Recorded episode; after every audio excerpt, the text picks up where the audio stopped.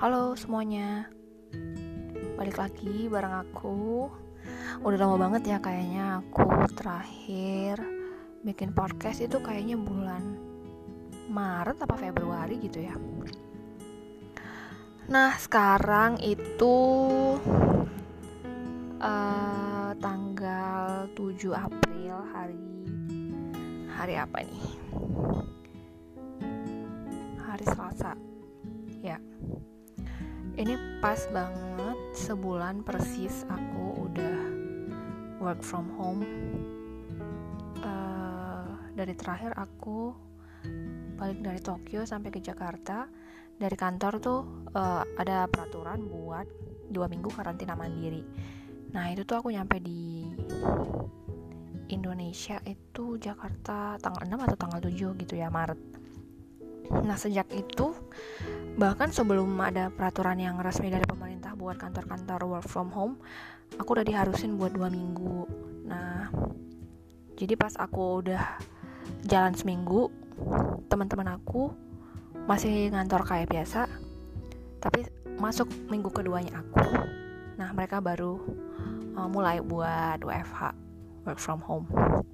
Jadi ya lumayan udah lama sih ya jadinya kayak sebulan persis tuh kayak 30 hari. Wow. Tapi sesuai judul yang podcast aku hari ini yang mau aku angkat yaitu how to cope when times are tough. Emang gak bisa dipungkirin ya awal-awal kejadian ini. Um, benar-benar semuanya tuh terlihatnya kayak berantakan.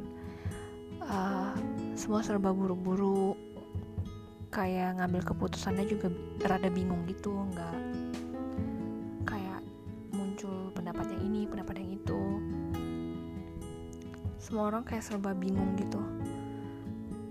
Ya maksudnya negara-negara yang udah emang dari sananya rapi hmm, uh, peraturannya juga udah jelas kayak gitu tetap aja ngerasa panik dan kayak ada rada kebingungan gitu ya. Ya apalagi negara kita yang emang orang-orangnya susah diatur terus peraturannya banyak yang dilanggar kayak nggak tegas. Jadi giliran dapat sesuatu yang kayak gini ya bener-bener panik. Cuma aku harap ya semoga ini cepat berlalu. Karena memang efeknya buat um, kita semuanya itu kayak beda-beda sih sebenarnya. Yang paling pertama sebenarnya harus jaga kesehatan ya supaya um, setidaknya buat kita bertahan di rumah itu lebih lebih semangat gitu ya.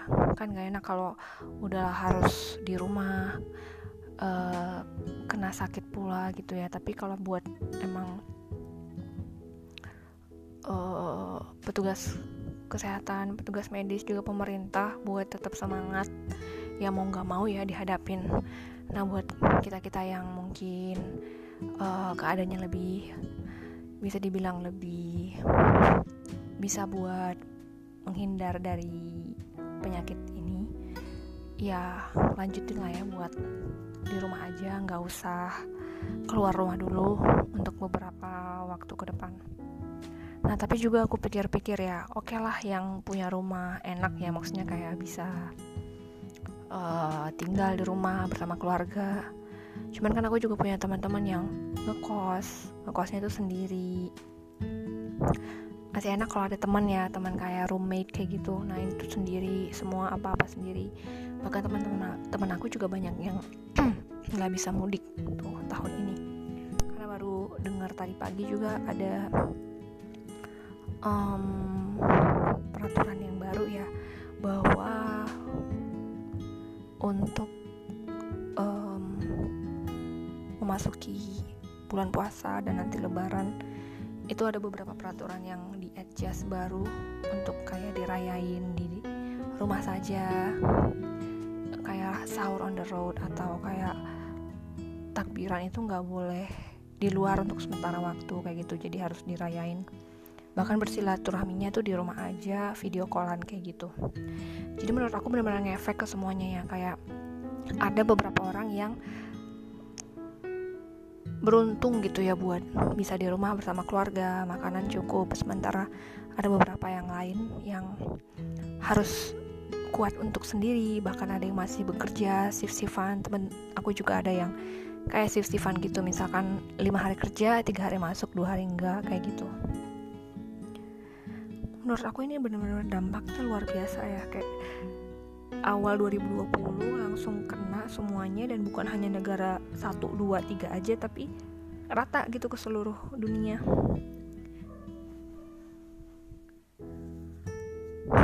Tapi di luar itu juga banyak yang saling membantu ya saling karena sama-sama kaget juga sama-sama panik sama-sama kebingungan tapi makin ke sininya aku lihat orang-orang juga makin sabar makin mau ngebantuin kayak gitu.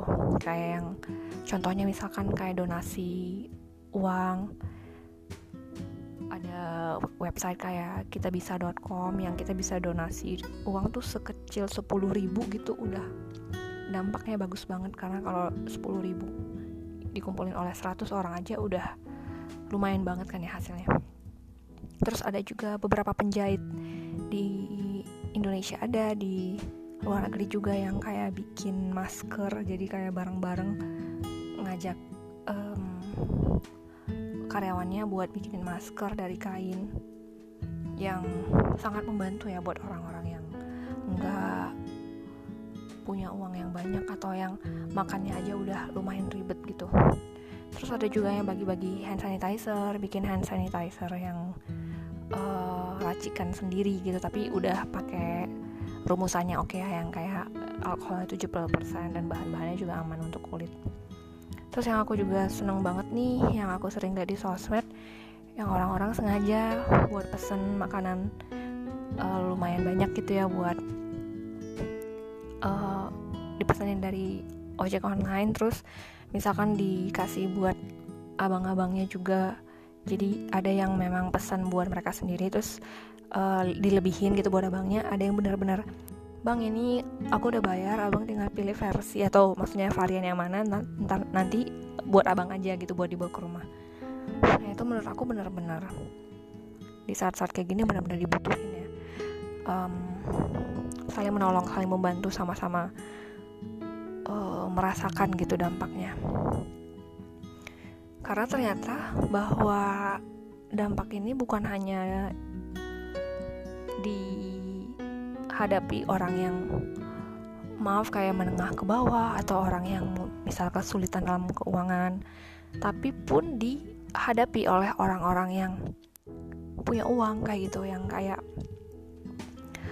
um, yang punya perusahaan yang punya bisnis itu benar-benar berdampak banget. Kayak teman aku juga ya ada yang harus uh, dikat itu sedih banget sih harus dikat yang um, gajinya itu hanya bisa dibayar sepertiga dua per tiga atau bahkan yang mohon maaf nggak bisa digaji sama sekali. Susah sih ya kayak di saat-saat kayak gini semuanya lagi berjuang kayak berusaha untuk bisa survive dari ini. Dan yang lebih membingungkannya lagi itu kita nggak tahu ini berakhirnya kapan. Nggak ada timeline atau ancang-ancang atau kayak oh mungkin ini dua minggu lagi udah selesai kayak gitu. Ternyata enggak. Kita nggak tahu karena masih ada bahkan untuk masuk ke paling atasnya kayak gitu kayak peaknya itu kita belum tahu kapan. Sementara ini pertanggal 7 April kalau nggak salah tadi nonton di TV di berita udah dua ribuan ya yang kena di seluruh Indonesia. Nggak tahu nih apakah angkanya akan bertambah terus.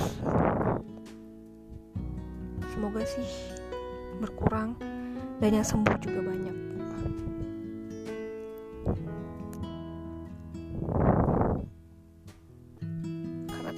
segitu berdampaknya buat perekonomian kita juga buat pariwisata.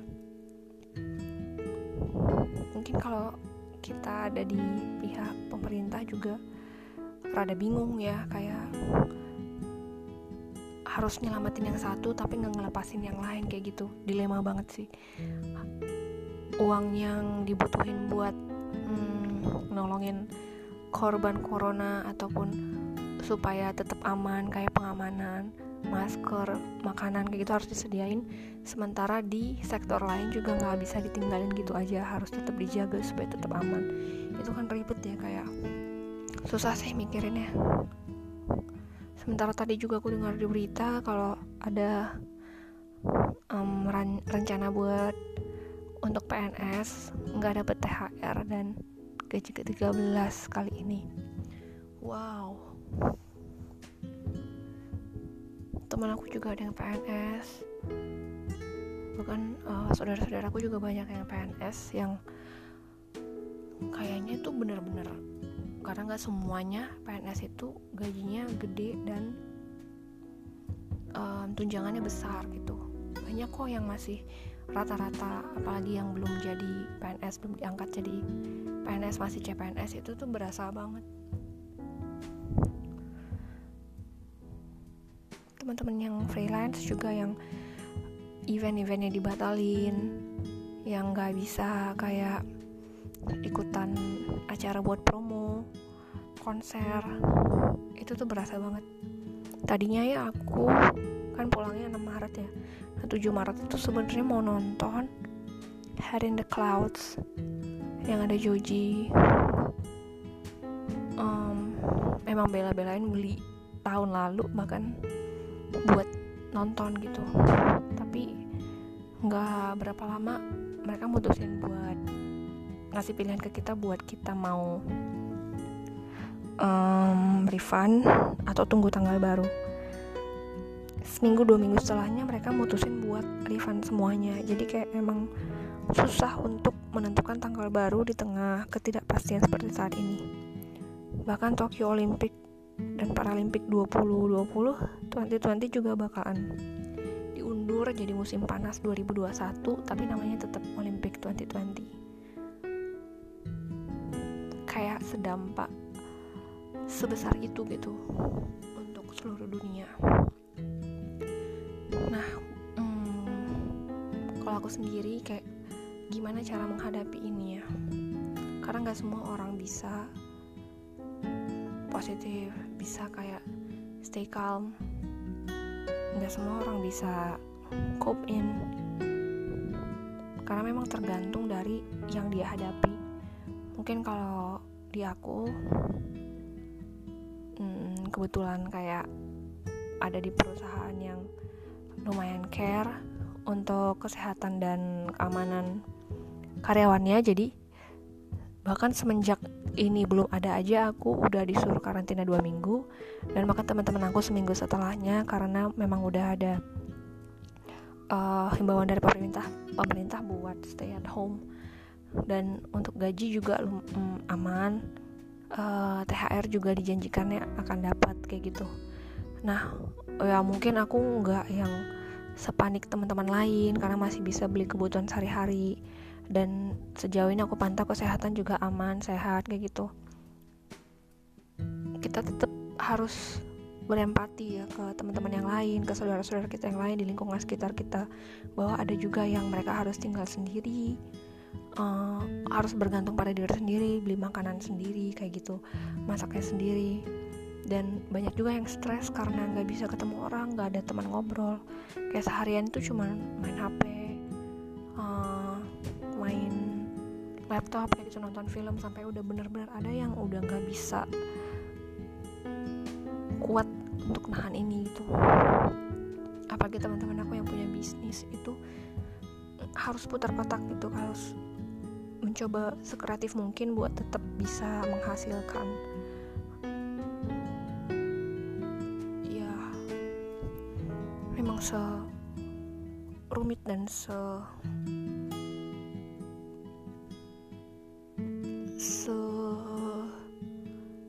parah itu kejadiannya sampai memang ke orang-orang itu pengaruhnya beda-beda. Cuman di sini aku mau menguatkan teman-teman yang dengerin bahwa uh, badai pasti berlalu. Jadi kayak mungkin kita nggak tahu di titik ini sampai kapan akhirnya selesai dan sampai seberapa lama apakah nanti akan ditemukan vaksinnya atau kapan nih waktu untuk turun angka positif dan angka yang terkena corona ini? Karena bahkan pemerintah pun nggak tahu dan bukan hanya karena di Indonesia aja gitu bahkan seluruh dunia juga mengalami hal yang sama. Cuman ya selagi kita masih bisa masih kuat saling menyemangati lah ya sesama teman sesama orang-orang di sekitar kita. Buat teman-teman yang misalkan ada uh, yang bisa disumbangkan apakah makanan atau pakaian atau uh, berupa materi juga uang bisa membantu teman-teman kita yang lain yang membutuhkan.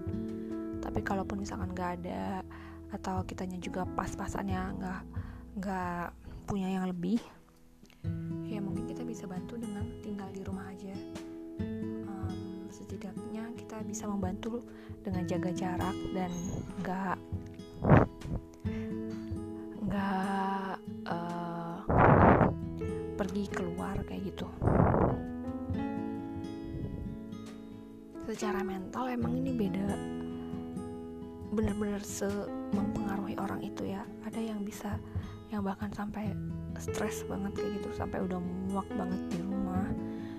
Pengen keluar kayak pengen jalan pengen uh, pergi sama teman-teman sama orang tua karena udah lama nggak ketemu kayak gitu. Tapi aku harap kita bisa sampai diizinkan untuk keluar dan officially selesai gitu dari pemerintah barulah kita bisa berani untuk itu kalau aku sendiri sih kalau di rumah kalau emang udah nggak tahu mau ngapain ya palingan aku journaling jadi kayak kayak dari tulis diary gitu ya kayak bikin hari ini ngapain. Atau kalau nggak aku bikin resep yang simple-simple kayak bikin bakwan atau bikin spaghetti yang kayak gitu. Atau misalnya aku rapihin um, rak buku nyapu ngepel ya selama ini aku pergi pagi pulang malam kayak gitu sekarang kesempatan banyak banget buat bersih bersih jadi sebenarnya nggak ada alasan lagi buat kita bilang nggak ada waktu karena ini waktunya udah banyak banget. Kayak aku udah 30 hari sendiri di rumah. Terus kalau kegiatan lainnya bisa baca buku bisa um, nonton film um, bisa juga update dengan nonton berita di TV bisa ikutan games-games kayak main di sosmed. Terus um, bisa juga uh, ini bikin dekor kayak home dekor gitu kayak beli yang kita butuh yang simpel-simpel aja yang nggak ribet terus bisa dirapihin kamar atau daerah ruangan yang kita mau. Ada juga nih temen aku yang beli uh, indoor plant atau yang kayak uh, tanaman yang bisa hidup di dalam ruangan.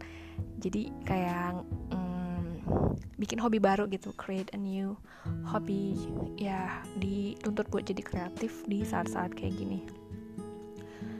Aku harap uh, dan doakan ini segera segera cepat berlalu dan aku juga um, tetap doa buat pemerintah dan petugas medis biar kuat biar tetap semangat. Karena kita benar-benar nggak tahu gimana menghadapi ini kalau mereka nggak ada. Semua pasti berantakan kocar kacir gitu ya. Tapi untunglah ada mereka yang bisa membantu walau mereka juga sangat berjuang dan sangat capek dan berusaha untuk uh, handle situasi ini. Kalau ada teman-teman yang mau komen atau mau ngasih pendapat kalau kamu sendiri gimana sih tetap cope dengan saat-saat seperti ini? Apa sih yang dilakuin supaya tetap tenang nggak cemas nggak uh, panik dan anxiety yang berlebihan. Sebenarnya semua berhak buat takut buat panik ya tapi kalau dibiarin akan lebih parah. Jadi tetap tenang berusaha untuk positive thinking bahwa ini pasti berlalu sekaligus juga um, berusaha untuk tetap jaga jarak social distancing physical distancing distancing dan tetap makan yang sehat. Jadi dari diri kita sendiri juga mau gitu uh, buat taat sama pemerintah mau buat tetap sehat tapi juga tetap berpikiran positif. Semoga semuanya baik-baik aja ya guys. Ya udah itu dulu dari aku. Stay safe guys